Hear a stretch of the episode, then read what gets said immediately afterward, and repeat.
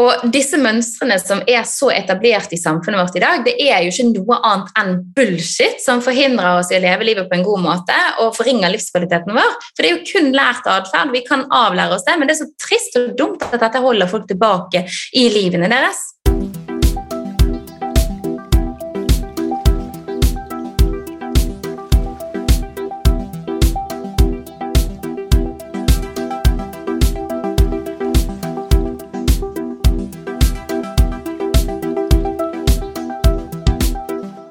Velkommen til Engler og hormoner. Inspirasjon og ny kunnskap om helse, selvutvikling og livsstil.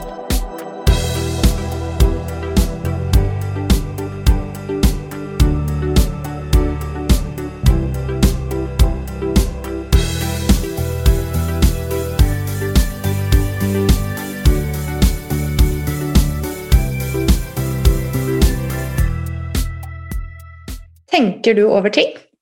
Analyserer, konsekvensutreder og tar valg som er til det beste for flyten i verden rundt deg, slik som du oppfatter den. Hva hvis? Hva om?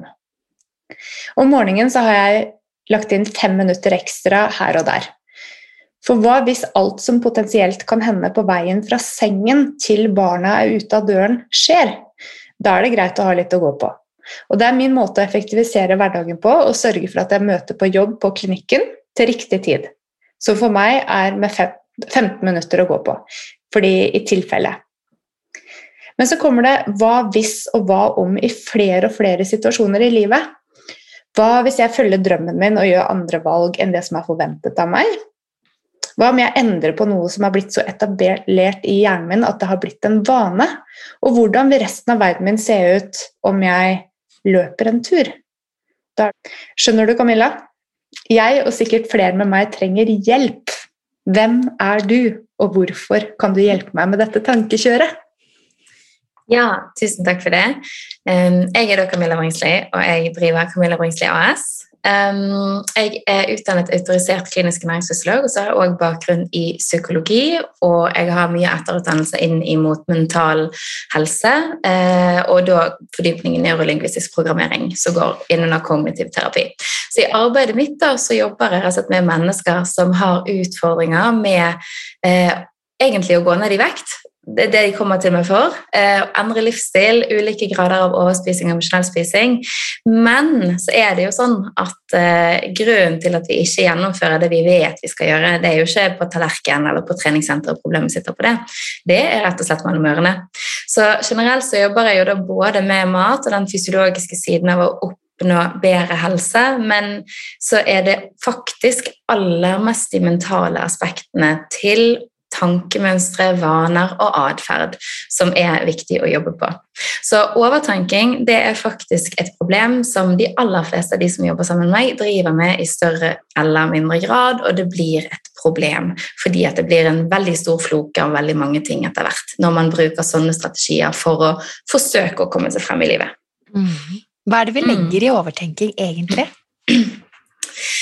Eh, generelt så er det jo noe med at eh, hvis noen driver med disse tingene, så kommer det ofte fra en frykt. Eh, det handler om at man er redd for å feile, det handler om at man har lyst til å forsikre seg om at, ikke, at noe ikke skal gå galt, at man ikke skal oppleve ubehag, eh, og at mange krisemaksimerer veldig. Uh, så det handler jo altså om at man ønsker å ha tenkt på alle mulige scenarioer før man går i gang med noe. For hva hvis uh, A, hva hvis B, og så hele veien gjennom alfabetet til X, Y, Z. Um, og det gjør jo da for veldig mange så gjennom måten de da overtenker på, så ser de for seg alle disse hva hvis-scenarioene. Men problemet med det er at det er jo scenarioer vi ikke ønsker, og da øker ofte frykten i oss for at det skal skje. Og da kan vi ende opp altså med å overtenke oss ut av handling, at vi trekker oss for noe fordi at vi har bare krisemaksimert i hodet i forkant. Og um, I mitt arbeid i forbindelse med f.eks. vektreduksjon eller dietter, og sånn, så er det jo veldig mange som styrer med disse tingene i dag. Internett florerer jo av alle dietters hellige gral. Altså, det er jo det det reklameres som. Eh, og folk forsøker, og så begynner de på ulike tilnærminger som ikke verken er bærekraftige eller som kanskje spiller på lag med helsen deres. Så det går for en periode, men så sier det stopp, og så kommer de tilbake til start. For de har ikke gjort noe der skoen faktisk trykker. Og i denne forbindelsen med overtenking, da, så vil jo dette her etter hvert eh, eskalere til at de begynner på én diett på mandag. Eh, men så falt de av på tirsdag, og så begynner de på en ny diett på onsdag. for den skal være bedre. Men så falt de av på fredag. Og så begynner de på en ny diett på søndag, og så falt de av igjen. Og så begynner det å spinne rett og slett ned i en sånn negativ spiral der man hele tiden tenker på hva hvis om og menn, hva hvis om og menn. Man tenker på bryllupet fire måneder frem i tid, hvordan jeg skal gjøre det da, for det ødelegges jo dietten min. Eh, denne dagen, ja, men da kanskje jeg gjøre lavkarbo, for jeg må jo spise kake da. Og så bare baller det på seg. Eh, så det blir jo veldig mye trøbbel i toppen rett og slett ut av det. Mm -hmm. Ja, Det høres jo veldig sånn ut som at det fort kan bli det. Men hvor mm. vanlig er det med overtenking, da? Altså, ja, Ref Monas eksempler i introduksjonen. Ja, eh, det er ekstremt vanlig, det må jeg si. Selvfølgelig er det forskjellig fra person til person, men alle mennesker gjør dette til tider. Og jeg skal forklare hvorfor etterpå. Uh, men i forhold til dagens samfunn eh, så er det jo dette her med at vi har et jag, vi løper, det er eh, mye press kombinert med at vi skal prestere, vi skal yte, vi skal få til ting, vi skal fremstå ut som disse supermenneskene som ikke trenger å hvile, som kan jobbe effektivt tolv timer dagen, og som er superforeldre og gjør aktiviteter hele tiden, osv. osv. Altså, det har følt til veldig høye standarder, og det er jo i forbindelse med sosiale medier. sant? Denne her eh, illusjonen av en perfekt virkelighet som overhodet ikke er virkelig. Men det gjør jo at standarden heves veldig mye på hva som på en måte er utad optimalt. Og det gjør jo at folk aldri når opp heller. sant? Som da kommer vi igjen videre på dette her med at man er så redd for å feile fordi at det betyr det samme som at man ikke er god nok og man lever ikke opp til forventningene og idealene. sant? Eh, og Dette her er veldig sammensatt problematikk, men det handler faktisk om selvfølelse i bunn og hvilke strategier man bruker i hjernen for å bevege seg gjennom livet. Det er jo eh, mange ting som, sånn som jeg sa i introen, da, som, eh, som, jeg tenker er life hacks. At man egentlig bare konsekvensutreder alt som potensielt kan gå eh, galt, og legger til rette for at hverdagen går smooth. Hvor, det, hvor går skillet her mellom en sunn hvis det kan kalles det, da, altså oppmerksomhet og det å overtenke? Det er rett og slett når det ikke blir sånn at man eh, får veldig høy grad av negative følelser, eh, og at man klarer å gjennomføre livet på en god måte. Det er skillet. Så det jeg mener med det, er hvis du står opp tidlig på morgenen, da, sant? og så har du en plan, Uh, og, så, og, så, klarer du å ha en rolig og behagelig morgen fordi at du vet at du har tenkt på A, B og C. Og skulle det og det og det skje, så vet du at du har det fordi at du har tid. Da er det én ting. Men hvis du i tillegg står opp og du har laget deg en plan, og så går du og krisemaksimerer hele veien underveis, og så ender det opp med at du utreagerer det stresset på ungene dine, og så bare blir det en sånn skikkelig bedriten morgen på toppen av det hele. Fordi at barna våre speiler jo, sant? for at du går rundt og krisemaksimerer hele tiden, og du så stresser ungene for 'nå må vi av gårde, kom igjen, nå må vi ut', fortere, fortere. Altså, hvis du går der igjen, sant? når du allerede har lagt den planen, du vet du har kontroll, da er det et problem. Mens hvis liksom Ok, greit, nå skal vi ut og reise, nå skal vi rekke et fly, men vi vet at vi har god tid. Vi er på vei til flyplassen, vi rekker dette flyet i tide, Vi har tenkt på A, B og C, og skulle eh, vi miste det flyet og ting skjer, så ordner det seg. Ok, da kan vi faktisk være til stede her og nå og ha det fint, og vi er på sporet. Så det er på en måte forskjell, da, hvis det ga mening. det ga mening, men jeg kjenner meg igjen i begge deler. Mm. ja, og da er vi på en måte over igjen i dette her med hvor vanlige ting er, da. Mm -hmm. um, og det er jo vanlig til en viss grad, og selvfølgelig, vi må jo òg si at når det kommer til barn og disse utenforstående faktorene, sant, så er det jo gitt at til tider så gjør ikke de sånn som vi vil, og ting kan noen ganger ta ekstremt lang tid å bare få på en sokk, f.eks. Eh, så, så da er det jo ting som på en måte er utenfor vår kontroll. Og da er det jo òg naturlig at som mamma eller forelder sant, at man da blir litt mer på hugget fordi at man vet de potensielle fallgruvene underveis her, sant? og at vi har en jobb å rekke. Så da er det jo naturlig at vi kanskje er mer på hugget, men det er jo et veldig sånn unikt tilfelle med en morgen da når du faktisk har en deadline. Du er nødt til å, komme, du er nødt til å få familien ut døren til dette tidspunktet, sammenlignet med hvis det f.eks. er snakk om skift skifte av karriere eller si opp jobben. Ja, men hvis hva vi sånn, ja, men hvis hva vi sånn. Sant? Altså, så det, det, det, er jo kontekst, altså Vi må se på kontekstsammenhengen her òg. Konteksten på hvilke situasjoner dette her faktisk blir for mye av, da, sammenlignet med hva som er en fornuftig, eh, et fornuftig fokus og tilstedeværelse, f.eks. For i forbindelse med når man skal ut om morgenen. morgenen. så hvis jeg forstår deg riktig, da, Camilla, så må man se det ut fra kontekst. Så eh, Monas eksempler de er da eh, liksom egentlig bare litt smarte. Kall det life hacks. Mens eh, om du overtenker så mye at det hindrer deg i å bytte jobb, selv om du ikke trives der du er, så er det usunt. Ja, og da kommer vi på en måte inn til dette her skillet med Som sagt, det er veldig vanlig hos alle mennesker. Alle mennesker har altså til en viss grad overtenkt i noen sammenhenger. Og det henger faktisk sammen med hvilken sinnstilstand vi er i. Eh, og det jeg mener med sinnstilstand, Mange vil gjerne kalle det et humør, men et, når vi snakker om humør, så kan du si at jeg er i bra humør eller jeg er i dårlig humør. Men sinnstilstand er det mer det overordnede følelsesbildet som foregår i oss.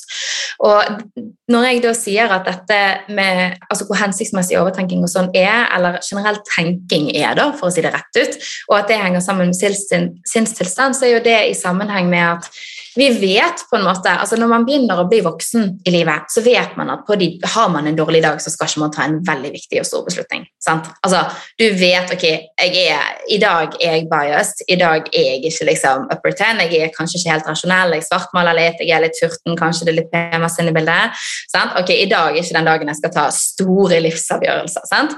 Det er på en måte sånn allmennkjent kunnskap når man begynner å få noen år på baken. Um, og det henger jo igjen sammen med sinnstilstanden vår rett og slett. Fordi at um, hvor ressurssterke vi er i oss sjøl, og hvor ressurssterke vi er med tenkingen vår, er direkte avgjørende på kvaliteten på spørsmålet vi stiller. Så det er faktisk da om vi stiller gode eller dårlige spørsmål. Så hvis vi er i negativ sinnstilstand, i en dårlig sinnstilstand, så er vi som regel i lite ressurssterk tenking. Og dermed så stiller vi dårlige spørsmål. Er dårlig kvalitet på spørsmålet vi stiller. Det kan f.eks. være åh, hvorfor meg? Sant? Versus hm, hvordan kan jeg fikse dette? Sant?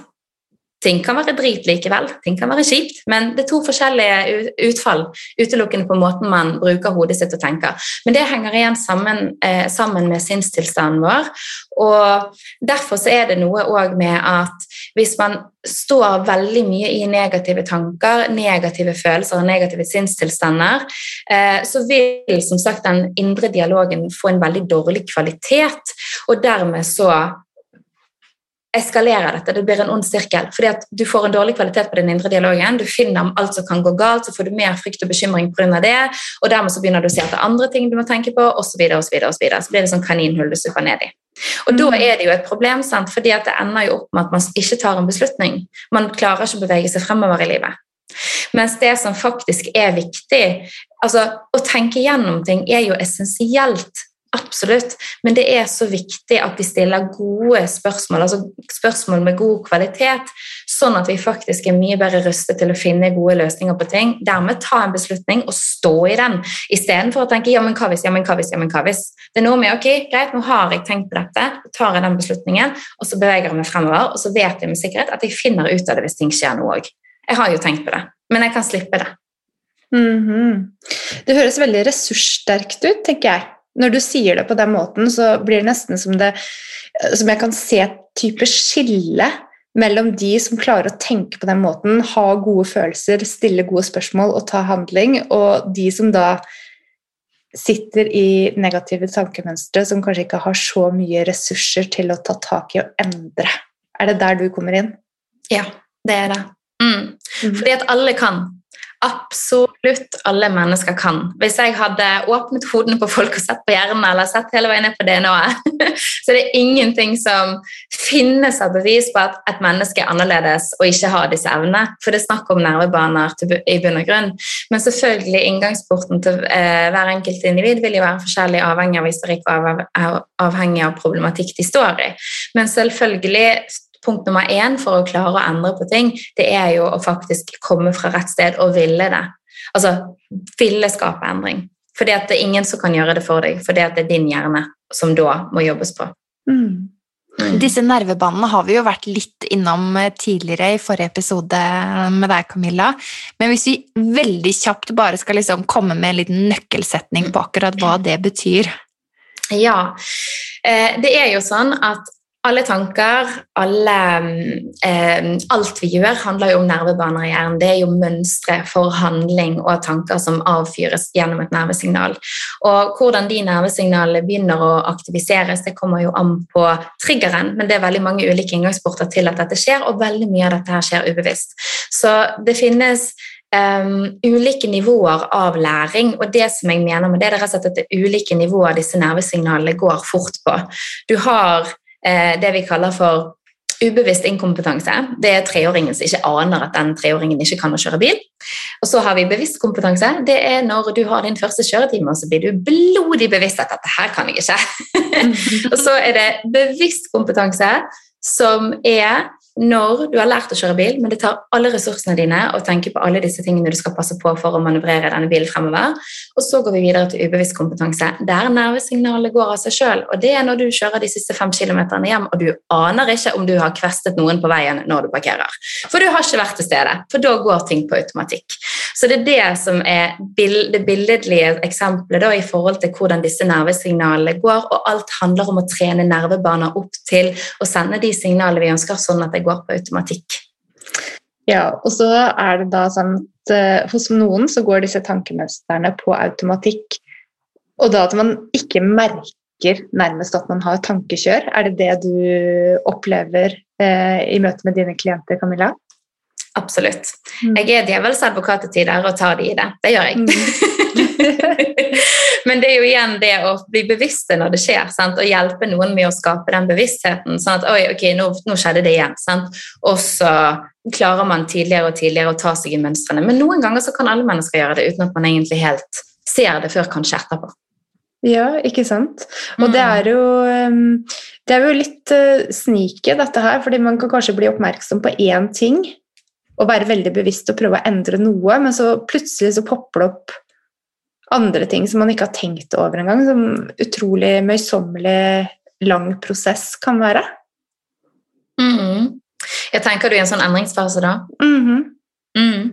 Ja, det, det, vil det jo være, men dette med bevisstheten er jo veldig nøkkelen. Altså selvfølgelig så kommer det jo veldig an på eh, hva som er årsak-virkningssammenheng til at disse mønstrene er der. Sant? Altså Er det veldig lav selvfølelse i bunn, og man er veldig redd for å bli dømt eller komme til kort og ikke være god nok, og sånn, så vil det jo være at vi er nødt til å begynne der skoen trykker, som er helt i bunnen, før man da kan slutte å krisemaksimere for alle disse visse moment. Eh, sammenlignet med at det er disse her hverdagslige, trivielle tingene som man kanskje bare er nødt til å skjære gjennom på og ta en beslutning og bevege seg videre. Vi er jo sånn kulturelt eh, vokst opp med jantelov, og populærkulturelt eh, har vi jo lært om imposter syndrom, eller bedragersyndromet nå. Så det, dette er jo veldig rundt oss og mye oppe i tiden. Eh, mm. At det er litt på den måten vi er, kanskje? Eller hva tenker du? Ja, akkurat på de tingene der så tenker jeg at vi, vi er absolutt produkt av samfunnet vi lever i. Vi er det. Eh, veldig mange, i hvert fall. Og det er veldig mye på disse tingene som har fått eh, merkelapper, som du nevner f.eks. i janteloven. Sant? Eller om så bare ut av komfortsonen i dag. Altså, det er jo sånne, et, et, begrep jeg vil til livs. Altså. For ut av komfortsonen, det betyr jo i dagens samfunn det er fint lite du kan gjøre ut av komfortsonen som faktisk medfører fare for liv og død. Mm. Jeg anbefaler ikke basehopping, liksom. Ikke begynn med det. Men utover det så er det liksom fint lite du kan hive deg rundt med og holde på med, der det faktisk er fare for liv og død. Men likevel så er liksom ut av komfortsonen. Det har fått en sånn overmenneskelig status. og 'Herre fred, hvor tøff du er'. Åh, liksom, Vi er der fordi at du tør å gå ut av komfortsonen. Det er jo helt sløkket. Ut av komfortsonen er jo du når du lærer deg nye ting, og det eneste det handler om, det er jo at du bruker nervebaner du ikke pleier å bruke til vanlig, sånn at det føles litt annerledes og ukjent. Mm -hmm. That's it. Klar tale. ja! Så det Ja. Mm.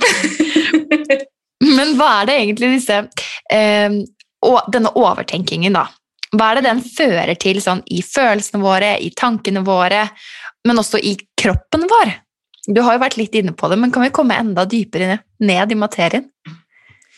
Ja, um, poenget her er jo at hvis vi bruker spørsmålene våre på en sånn måte, så blir det ikke nyttig. Og det, som jeg nevnte i sted, så handler jo dette om den krisemaksimeringen. Sant? Eh, der man prøver å bruke en strategi der du tenker at ubevisst da, så kan man tenke ok, hvis jeg bare har tenkt gjennom dette og dette og dette, og dette, dette, at dette ikke skal skje, så kan jeg forsikre meg om at det ikke skjer, sånn at jeg ikke skal oppleve en eller annen form for ubehag eller å komme til kort eller negativ feedback etc. Sånne type ting. Men Problemet er jo som sagt at når vi tenker hele tiden hvis, om og men, så er dette veldig altså De bruker da analysering og tenking på en veldig destruktiv måte, fordi at det holder en fast i problemene våre, og det kan gjerne gjøre det verre. Eh, og veldig mye av dette her, f.eks. når det kommer til å overvinne egne personlige problemer, så, så, ender det faktisk opp med at veldig mange mennesker bare setter seg mer og mer fast i det og kommer dypere og dypere inn i det fordi at de prøver å analysere seg ut av det. De, altså, hvis du har alvorlige ting, eller hvis du har fått deg en eller annen uvane etc., så hjelper det ikke å liksom overanalysere hvorfor ting er som det er. Et eksempel som er veldig godt å bruke på det, det er at hvis du har en selvlært tennisspiller sant, som har blitt veldig flink, men har en forferdelig dårlig teknikk på svingarmen, så blir ikke den tennisspilleren bedre og får en god teknikk av å overanalysere hvorfor den teknikken er blitt så den er blitt når han har trent den inn sjøl. Svaret ligger ikke i å overanalysere hvorfor den teknikken er dårlig. Du er nødt til å flytte fokuset, stille andre spørsmål. Hvordan kan jeg få dette til? Mm. Og Der er det jo hovedskille i forhold til hvordan folk gjerne angriper problemer, og de tingene vi gjør når vi egentlig ønsker å skape oss et resultat. Fordi at vi gjør dette i såpass stor grad sånn at vi overtenker og overanalyserer det, fordi at mennesker har et behov for fullførelse. Det kan dere f.eks. relatere dere til hvis man holder på å snakke om noe, så merker dere at ja, men nå har jeg egentlig brukt dette opp, men jeg må bare si dette ferdig. sant? Så vi har det behovet for fullførelse. Derfor så overanalyserer vi for å finne svaret. Men det gjør jo òg da at man kommer ikke til bunns i problemet, man bare vikler seg inn. fordi at det hjelper ikke å stille 'hvorfor er det sånn som dette?' om og om og om, og om igjen. Eller hva hvis, hva hvis, hva hvis? Hvorfor gjør jeg dette? Hvorfor er det så vanskelig? Hva skjer hvis dette? Osv. Det er ikke der løsningen ligger. Løsningen er jo helt annerledes. At vi er nødt til å endre det til hvordan. Og komme på det på en annen måte med mer ressurser. Og problem, Grunnen til at vi sier dette, er at hvis vi står i hva-hvis-tenking og får opp alle disse krisemaksimeringene, så vil det gi oss en emosjonell respons i hjernen vår. Fordi at vi ser for oss alt som kan gå galt, det er jo ikke noe hyggelig. sant? Og da får vi en sympatisk aktivering av nervesystemet, som er fight or flight. Og det fører da direkte til at vi går inn i en aktivisering som gjør at vi blir stresset, og vi får økte kortisolnivåer, og det har veldig negativ effekt på helsen vår. Og det kan jo definitivt påvirke også vår fysiske smerte. Uh, og stress jeg, uh, Kan vi komme enda mer inn i dette her, uh, Camilla, med, du var jo inne på det autonome nervesystemet, og eh, at det skjer en hormonell respons. Mm. Ja, og det er jo sånn at når vi begynner med denne her krisemaksimeringen i hodet eh, pga. negative og ubrukelige spørsmål, som vi nå har statert, mm. så, så, ender det jo opp med som sagt, at vi får denne responsen neuralt i kroppen vår. Og Da skjer det veldig mange ting i nervesystemet vårt eh, som er relatert til hele funksjonen vår, som òg er relatert til hormonell helse og total helse. For det er sånn at Vi har det parasympatiske nervesystemet og vi har det sympatiske nervesystemet. Det parasympatiske det parasympatiske står på ro og hvile, og det sympatiske er fight or flight. Problemet her er at det ene deaktiveres når det andre aktiveres. Og Vi er nødt til å ha en balanse mellom de to for at de faktisk skal fungere optimalt, og for at kroppene våre skal fungere optimalt. Og Når vi da får en overaktivisering av eh, det sympatiske nervesystemet, fight or flight, så får vi alle disse stressresponsene i kroppen vår. Og Det henger jo da sammen med rett og slett total helse. For med økt stress så får vi økte kortisonnivåer, noe som igjen gjør at kroppen vår er mye mer tilbøyelig til å lagre fett og eh, redusere muskelmassen vår. Eh, noe som igjen da òg eh, påvirker helt sånne basale ting som f.eks. blodsukker. For økte kortisonnivåer og den stressresponsen er med hovedfunksjonen at blodsukkeret ditt skal økes. Det er helt klart at Hvis du får en økt fettlagring og så går du rundt med forhøyet blodsukker, eh, og samtidig så eksponeres muskelmassen din til negativt, så vil jo ikke det gi deg noen positiv effekt på helsen på lang sikt. I tillegg til at vi har ikke begynt å snakke om f.eks. hvordan restitusjon og de type tingene heller ikke fungerer når man er kronisk i en enden av spekteret. Sant? Så da har du jo koblet akkurat dette, her, eh, dette med forrige episode, som handlet om mm. akkurat livsstilsendring og vektnedgang. Mm, absolutt. Og det henger sammen. Det er en del av den samme floken, som jeg pleier å si. Så det hjelper ikke å bare Hvis man har lyst til å gjøre endring, det hjelper faktisk ikke å kun eh, putte, finne et nytt opplegg, ta en ny diett, et nytt treningsprogram og kaste inn i et allerede kaotisk og travelt liv der man er overarbeidet og overstresset, hvis det er det som er situasjonen når man føler man står fast i ting. Både mentalt og fysisk. Man er nødt til å begynne i en helt annen ende. Mm. Jeg har lyst til å kaste inn det med kronisk smerte også i, eh, i den uh, diskusjonen her. Fordi uh, det parasympatiske nervesystemet er jo Det er også en del av um, del av de pasientene som har langvarig smerte, som er veldig trigget i sympatikus, og som har veldig lett for å havne i den eh, delen av å være overaktiv i den sympatiske delen av nervesystemet. Og da, og da, da tenker jeg automatisk at dette med tankekjør eh, og den negative loopen også kan påvirke fysisk smerte. Helt direkte. Helt naturlig, tenker jeg. Mm. Og Det der går jo også veldig mye på fokuset. Eh, hvis du står i tankekjør og har negative tanker og dårlige spørsmål, så påvirker det jo òg hva du tar inn. Um, på samme måte som at hvis man da er redd for å feile og redd for å komme til kort, og så ender det opp med rett og slett at eh, som du sier, du blir sympatisk aktivert, da er det veldig fort at man gjerne ser etter den smerten. Sant? 'Å nei, der var han igjen. Å nei, nå kommer det noe igjen. Hvordan skal jeg unngå dette?' Sant? Og så begynner man å stresse for det òg. Mm. Når, selvfølgelig, Smerte er jo forskjellig. Eh, vi har alle her født barn, for å si det sånn, så det er ikke alltid sånn at du bare kan tenke deg ut av det. Eh, men eh, persepsjonen av smerte er jo forskjellig, og jeg kan jo ta et hverdagseksempel på det òg. For det jo, alle mennesker har jo kanskje hatt litt hodepine på et eller annet tidspunkt. Sant? Um, det kan være at man er lett dehydrert eller sover litt dårlig, har en liten kink i nakken, whatever. Um, og så ender det da opp med at eh, du åpner øynene på morgenen og i dag er en sånn dag, sant? Og så kommer det et tidspunkt på dagen bare åh, dette er så gøy! Yes! Dette er så kult! Nå gjør vi sånn og sånn. og sånn. Så bare, Nei, vent litt, har de ikke vondt i hodet? Ah, der var det, ja. Sant? Så det handler jo faktisk om hva vi ser etter og hva vi setter fokus på. Og det er òg noe mange kan relatere seg til. Sant? Vi kan dukke opp med blåmerker eller småkutt etc. Man aner ikke hvordan det har kommet. Sant? Fordi vi har faktisk ikke vært der. Jeg har prestert å få en kniv gjennom foten uten å kjenne det engang. Wow! så er sånn, Yes, der satt den! du hadde det sikkert veldig gøy, eller i hvert fall ja, fokuset ditt var ikke der? fokuset mitt var et helt annet sted. var selvforskyldt, men det er en annen historie.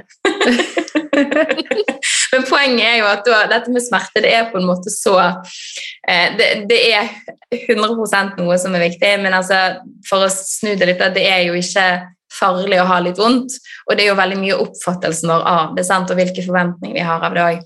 Mm. Eh, og hvordan fokuset vårt fungerer med det. da. Å, det er kjempeviktig, Camilla. Tusen takk for at mm. vi kommer inn på dette her.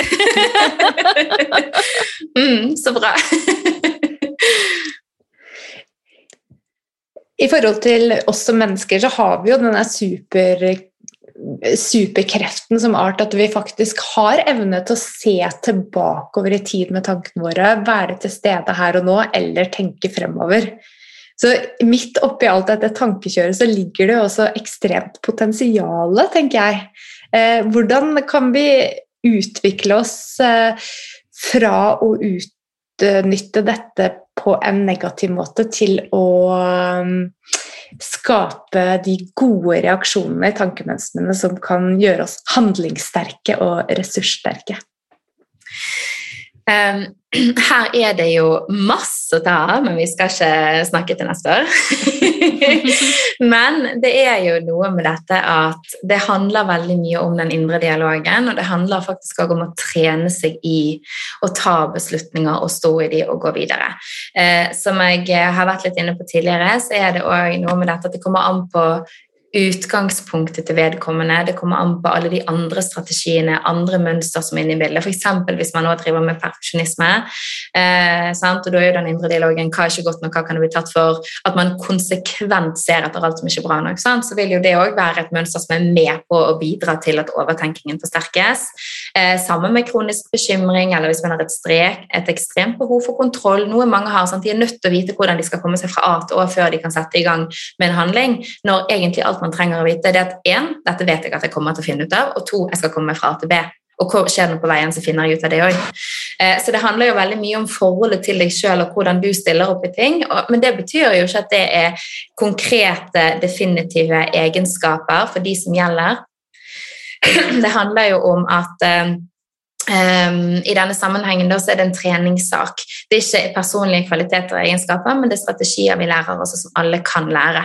Og Det er da en treningssak. Hvis man har endt opp med å skyle seg opp i et hjørne med overtenking og overanalysering, så kan det som jeg sa, være mer omfattende ting man må gå i dybden på. Men det er likevel også sånn at det handler om å trenes på å ta en beslutning. Vite med sikkerhet ok, jeg har tenkt på A og B og C, og at det kan skje. Og så vet jeg at siden jeg har tenkt på det, så har jeg den tryggheten på at dette vet jeg at jeg ordner hvis det skulle skje. Og derifra så går vi videre, uten at vi trenger å gå tilbake og spille på det hele tiden. Men Camilla, det høres jo veldig eh, logisk, enkelt og konkret ut. Men i praksis så er det kanskje ikke så enkelt hvis du har en vane om å eh, overtenke så mye at du ikke får satt en handling ut i livet. Kan du hjelpe oss litt videre med noen konkrete eksempler på, på hvordan dette kan se ut i praksis? Ja, det kan jeg. Jeg har et uh, bileksempel som jeg er veldig glad i å bruke for å vise hvordan dette her noen ganger kan rett føre til at uh, veldig mange mennesker ikke liker å kjøre bil. Um, fordi at ting kan skje, ikke sant? Uh, men da er det dette her med La, la oss si at man går til bilen for å sette seg inn for å begynne å kjøre, og så har man satt seg inn i bilen, men, og så får man den Å nei, men vent litt, hva hvis hjulet er tom for luft? Og så må man ut og sjekke.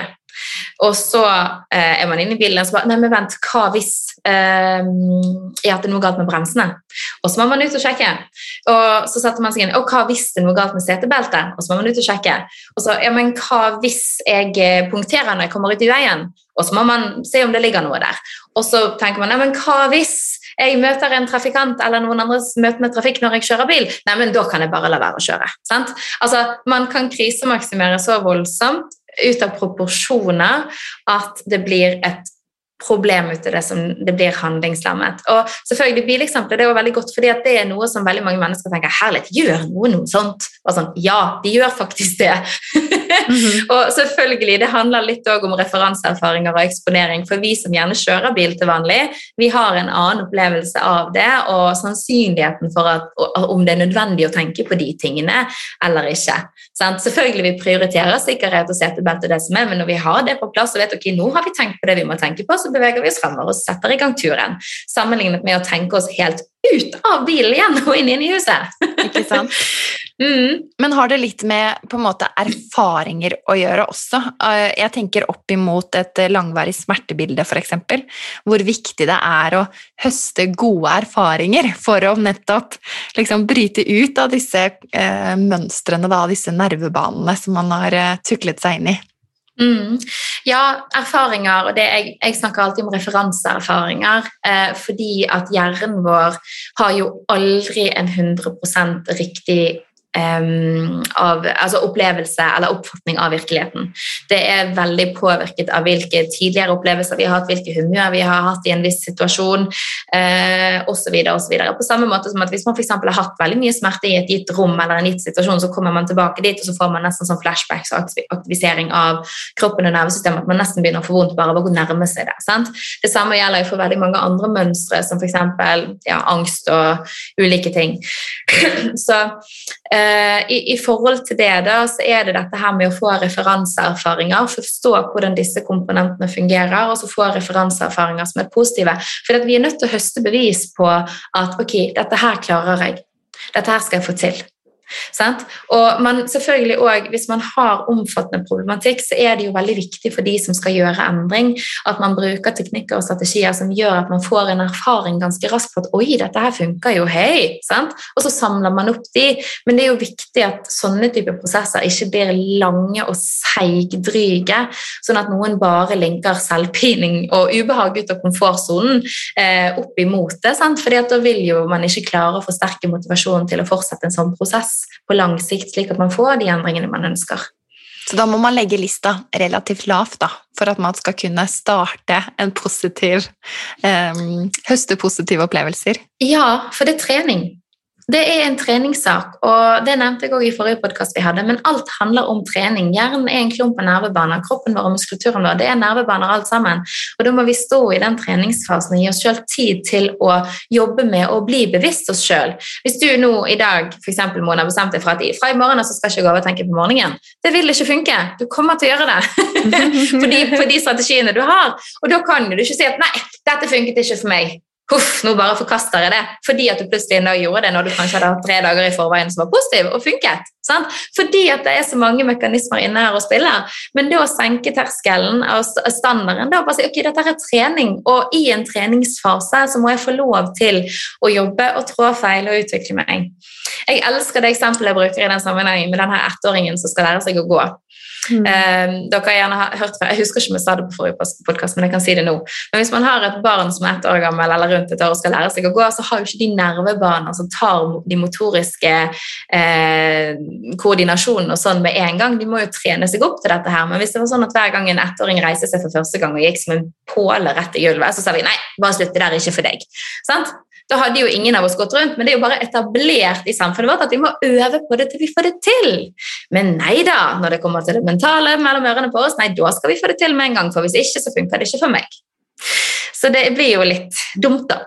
Jeg elsker hvordan du drar frem et konkret eksempel mot, uh, mot, meg der at hvis jeg skal slutte å overtenke om morgenen, og så du viser så godt hvordan Hvis man ikke klarer det, som man egentlig er set up til å ikke ha suksess med den type strategi, så er man jo rett inn i den loopen som du innledet med. Da, da er man så fanget i den negative eh, Så, så det, det, er så utrolig lett å se, men jeg tror at man kan relatere det til veldig mange aspekter av livet, som å ta store valg for seg selv, for familien, for eh, eh relasjoner, eh, for mm. karriere. Dette er jo ekstremt nyttig å være oppmerksom på. Mm. Ja, sant? og det handler jo veldig mye om å trene seg sjøl og opp til å være bevisst hvor går det skillet mellom når dette her er en nyttig grad av tenking, versus at det faktisk blir unyttig. Mm. For når det bare skaper enda mer kaos og eh, usikkerhet osv., så, videre, og så, videre, så blir det jo unyttig versus at man har trent seg opp til. Ok, greit, jeg vet at jeg har tenkt på det jeg kan, eh, kan komme på nå. Jeg har prøvd å se for meg ulike scenarioer så jeg skal ta riktig beslutning. Men nå kommer det som sagt til det punktet der jeg er nødt til å skjære igjennom og bevege meg fremover. Og blir det feil, so be it. Feiltrinn er jo ikke feil, det er ikke noe negativt, det er bare læring. Det er måten vi finner ut på at ok, sånn skal jeg ikke gjøre det. Det er jo ikke noe verre enn det.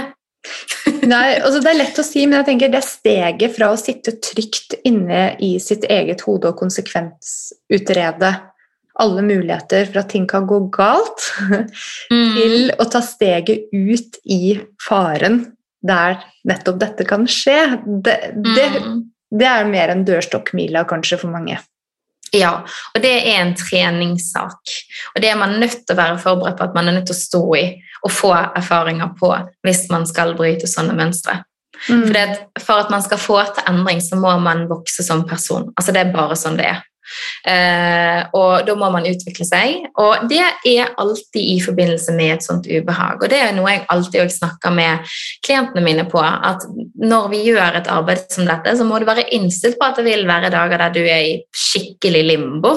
Altså sånn forvirring, man har gjennombrudd, og så gjør det at man plutselig Oi, nå overtenket jeg i den situasjonen, men vent litt. Da ser jeg jo at plutselig, da gjør jeg det der og der og der og der og der òg, og det var jeg ikke klar over før.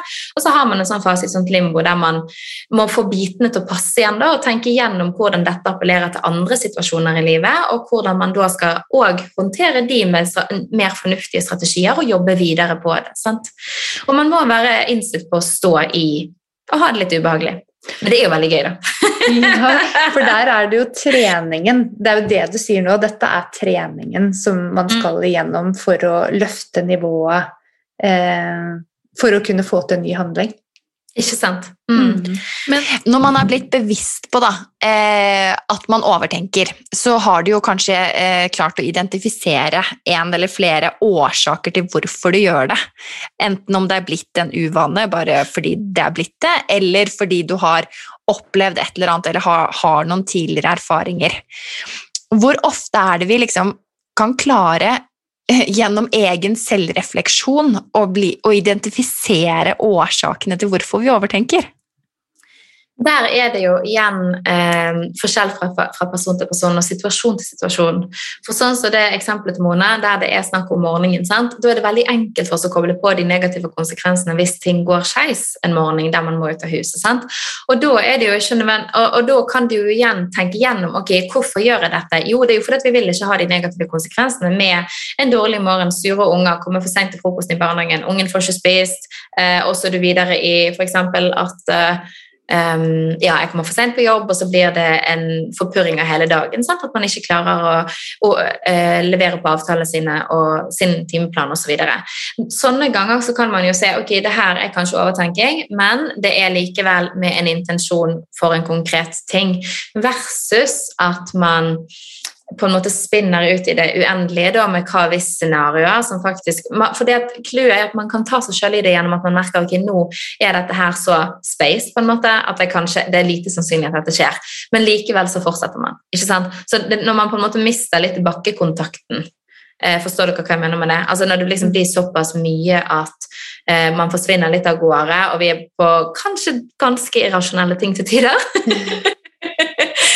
men, likevel da, så, det, så, fortsetter man å spinne.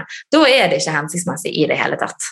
Fordi at Da er det ubrukelige spørsmål. Det er der det handler om um, å ha det skillet òg. Altså, stiller vi hvorfor, eh, hva hvis, eller spør vi hvordan?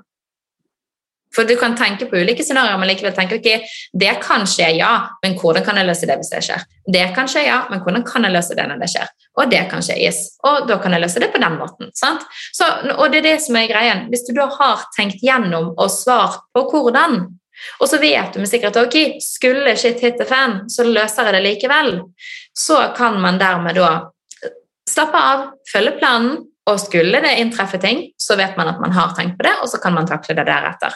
Mens hvis det som sagt er hvorfor ditt og hvorfor dette og hva hvis, hva hvis, hva hvis, hva hvis, hva hvis i det uendelige, at man aldri kommer til hvordan å skjære gjennom med det, da er du virkelig på vei ned i et kaninhull.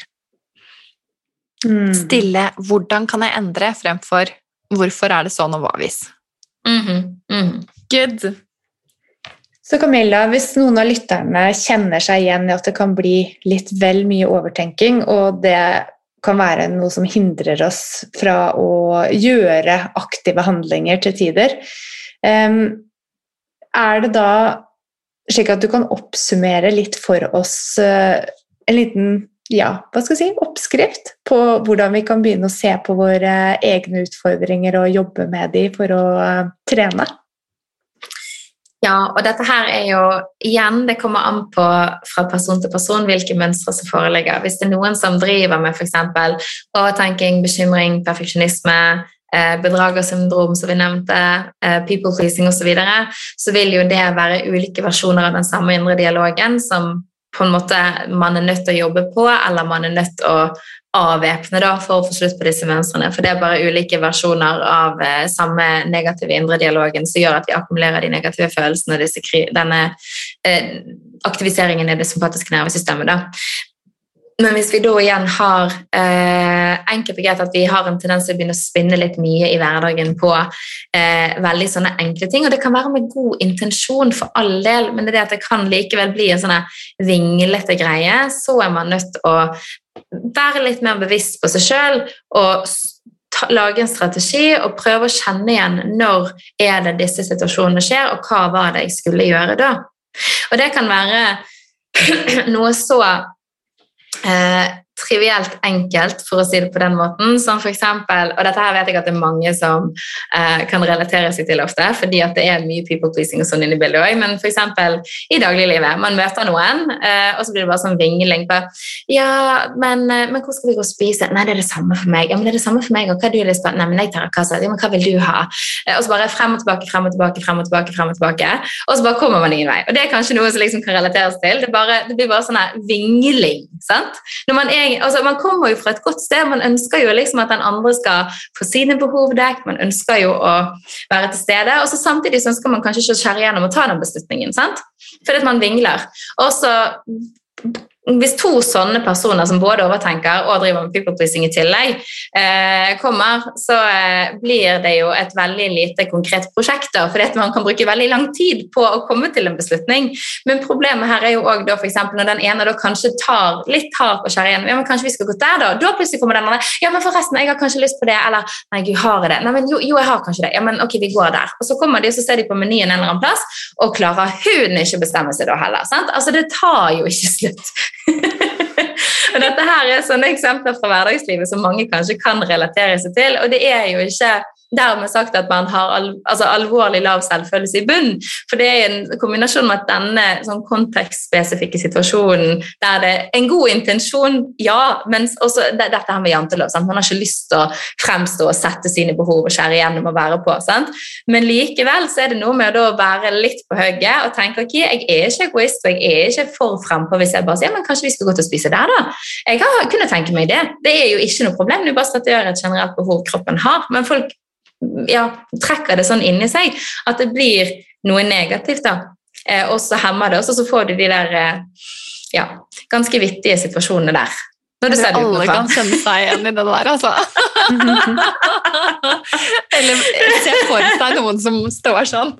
ja, ja, ja. Og det er så vanlig. Det er det. Mm, sånn at de ikke mm. klarer å bestemme seg. Eh, men da igjen, det handler om okay, er, det, er det en sånn situasjon som egentlig er med en god intensjon, og så at man er litt vinglete der og da, eller kanskje man i tillegg kanskje man hadde lavt blodsukker, så man var litt sløv i toppen, sant? og så er man litt mer vinglete pga. det. Sant? At man klarer liksom ikke skjære igjennom, for du klarer ikke helt å få kontakt med topplokket ditt og høre dine egne tanker. Det kan jo være sant? at man bare er sånn diffus. Eh, men likevel, det, eh, poenget med at jeg sa det, at da må man se på hverdagslivet sitt se på hvilke situasjoner dette her gjerne gjelder. Og så ok, tenker jeg greit, jeg skal skjære igjennom, jeg skal si det. Og så hvis hun sier det, så kan vi gjøre sånn, og så er det bestemt. Og så skal ikke vi vurdere flere muligheter. Da bare gjør vi det. Så mm. Det er sånne enkle strategier man kan gjøre seg bevisst da, hvis man har en del sånne mønster i hverdagen som gjør at det bare blir veldig lite tak, for å si det rett ut. det tar tid, man kommer aldri noe sted. Tenk hvor tid vi kaster bort på dette tullet. Mm -hmm. Ja. Mm -hmm. Og alle de ressursene som vi kunne brukt på å ha det gøy istedenfor. Mm. Faktisk. Fylt livet med gøy, ting som er spennende og gøy og givende. Ekstra overskudd til å leke med ungene, f.eks. Ikke sant? Ja. En ting som er sikkert, er at det er veldig gøy og inspirerende og fint å høre på deg, eh, Camilla. Tusen hjertelig takk for at du deltok. Takk for det. Det var veldig hyggelig å få komme. Mm.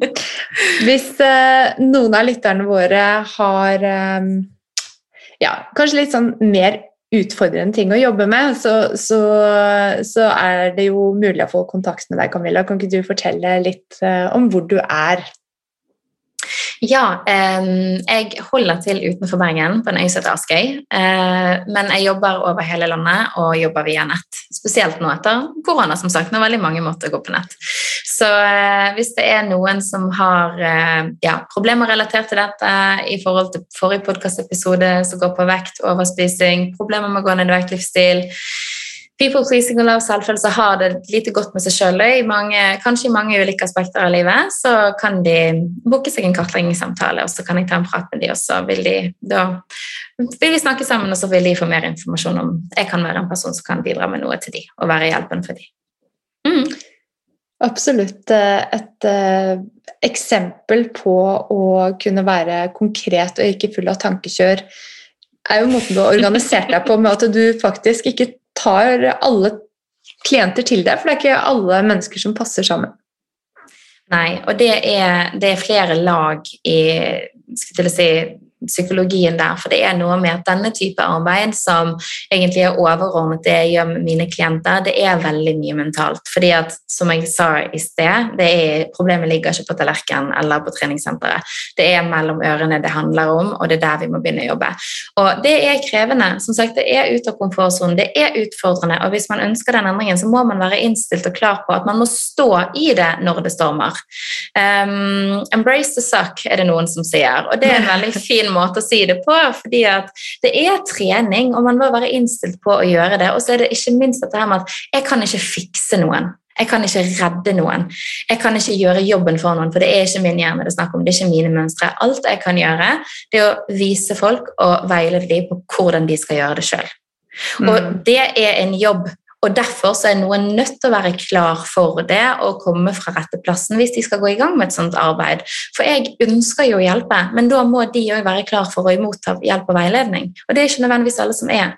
I kombinasjon med at det selvfølgelig er mange andre ganger veldig sammensatte psykiske ting inn i bildet òg, og da er ikke det alt jeg kan stå med et behandleransvar på som privatpraktiserende. Og Det er sånne ting jeg òg må ta i vurderingen. Og så ikke minst dette her med at man må ha en god kjemi og dialog, for det må være god eh, kommunikasjon og tillit i et sånt forhold når man skal inn og jobbe på sånne type ting. Og mm. Derfor så er igjen det sånn at jeg, jeg er ikke for alle. Jeg er klar og direkte i talen min, og selv om jeg baker det inn med litt humor og, eh, og jeg er veldig omsorgsfull og snill, men altså jeg kommer til å kalle en spade for en spade for de jeg jobber med, og det sier jeg òg. Og derfor så må man eh, ja, vurdere litt hvem man skal jobbe sammen med da, til tider. Mm. Mm. Fantastisk å uh, vite da, og kjenne på at du har jobbet sammen med oss i dag, og at du yeah. har nådd ut til våre lyttere. Uh, og Camilla, tusen takk for nå, og til alle lyttere. Hvis dere vil lære mer, så følg oss på Instagram. Vi skal dele Camilla sin profil og hennes smarte tanker denne uken. Vi høres. Ha det bra.